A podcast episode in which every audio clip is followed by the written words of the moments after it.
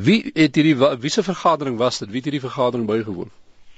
Uh die vergadering was uh, oop gewees vir alle lede van die boerevolk en die uh, geloftevolk republikeine uh, het die vergadering belê en gefasiliteer. Hoeveel mense was daar? Uh daar was uh, mense so in die omgewing van tussen 100 en 120 hulle het landwyd gekom. Ons het mense gehad daarso van Kuruman, van Nelspruit, van uh, Pretoria uiteraard in die Gauteng gebied en ook van Kaapstad en Port Elizabeth. En die gesprek daar het gegaan oor plaasaanvalle of oor waaroor?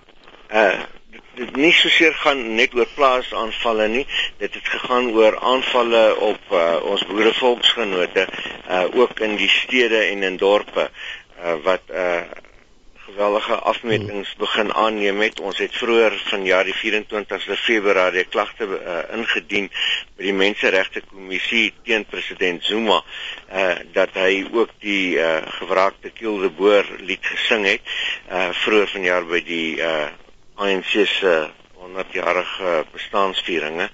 Uh en die direk daarna het die, die uh, aanvalle op die boere gestaak vir 'n periode van uh, 12 dae maar uh dit toe weer hervat en uh op hierdie stadium uh is dit alweer op 'n uh, baie groot hoogtepunt. Maar as, as jy nou praat van julle boere volksgenote en aanvalle op boere volksgenote, wie wie is die boere volksgenote waarna wie jy verwys? Die boerevolk is maar die gelofte volk met ander woorde die mense wat hulle self gewonde ag aan die drie geloftes uh wat uh, die boere aan uh, aan hulle God gemaak het. Die eerste een is uh, Jan van Riebeeck se gelofte in 1654. Die tweede een uiteraard dan uh Pieter Retief uh, uh se moord wat gewreek is toe Sarel Silje die uh, gelofte gemaak het by uh, in Natal by Blitsrivier en dan die derde een die uh, gelofte wat gemaak is voor die uh, eerste Vryheidsoorlog uh, by Paardekraal. Is daar uitdruklik gedreig by hierdie vergadering om reg in eie hande te neem? Ja, uh, ek wil miskien van die geleentheid gebruik maak om net uh, die ding in perspektief te stel. Daar was 'n artikel wat verskyn het in uh, Mail and Guardian en uh, die opskrif daarso was bietjie misleidend geweest. Uh, Kill 30 blacks for every uh, white murder. Nou uh, dit was uh, sinsnede wat geopper was uh, tydens die vergadering, maar dit is nie die vergadering se algemene gevoel nie. Maar uh die tydens die besprekingstyd en vraatyd uh het dit baie sterk deurgekom dat die mense radikaal wil optree uh, en dit het regtig waar uh hoender of eierdans van my gekos hmm. om die mense uh, onder beheer te hou en om nie uh, so ver te gaan as dat die uh, mense 'n besluit neem om oor te gaan tot geweld nie.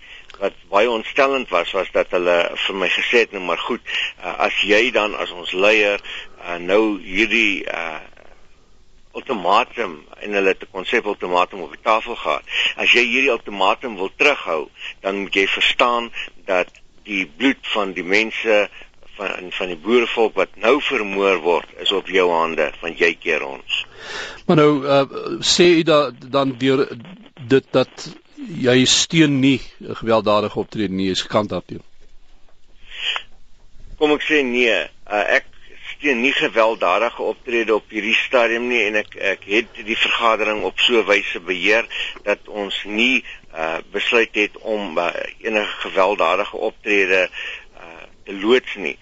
Maar uh, die vraag wat ek nie aan die gehoor kon antwoord nie is uh, as jy dan nie geweldige uh, gewelddadige optrede steun nie en jy sien dat jy by die menseregte kommissie 'n klagte gaan lê en jy het nou 4 weke na die tyd nog nie eers 'n reaksie van hulle gekry nie wat gaan ons intussen doen om die moorde op ons volksgenote te staai en ek het nie 'n antwoord nie die uh, ek ek wil by hierdie uh, situasie van die moorde op volksgenote bly vir 'n oomblik want ehm um, dit gaan tog breër as dit. Ek ek ek hoor wat jy sê. Daar daar word mense word op plase in in die dorpe op uh, aangeval. Uh maar as ons gaan kyk dan is dit 'n 'n misdaad wat breed voorkom. Dit is nie net uh, mense van die boerevolk of wat ook al nie. So wat keer die mense van die uh, wat in hierdie uh, geval nou vir hulle self beskou as lede van die boerevolk om saam te werk met owerhede en met ander mense wat onder dieselfde sweep geslaan word om saam te werk om hierdie misdade te stop op allerlei formele wettige maniere. Dis 'n baie goeie vraag wat jy vra uh, en uh, die antwoord is is nog nogal uh, redelik diep liggend. Kom ek sê vir die uh, in die eerste instansie uh, het ons die probleem dat uh, ons het nou 'n staatspresident wat gesing het Kill the Boer.